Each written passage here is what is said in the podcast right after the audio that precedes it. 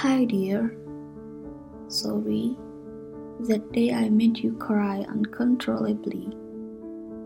I felt like a bad human being and was approved by the universe. I apologize and don't want to make you cry again like that. Thank you for the love and affection you have given me. Thank you for all the extra effort you always give.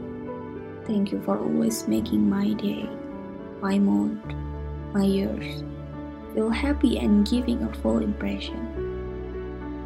Until here, we will continue together drawing out happiness. I'm grateful that I have met you here for a long time.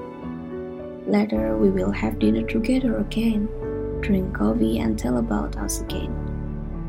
If you are sad, let's play in the Timezone. If you are homesick, come out of the house and hug me. Say warmly, deeply. We will be together forever. Yeah, until the end and forever and beyond.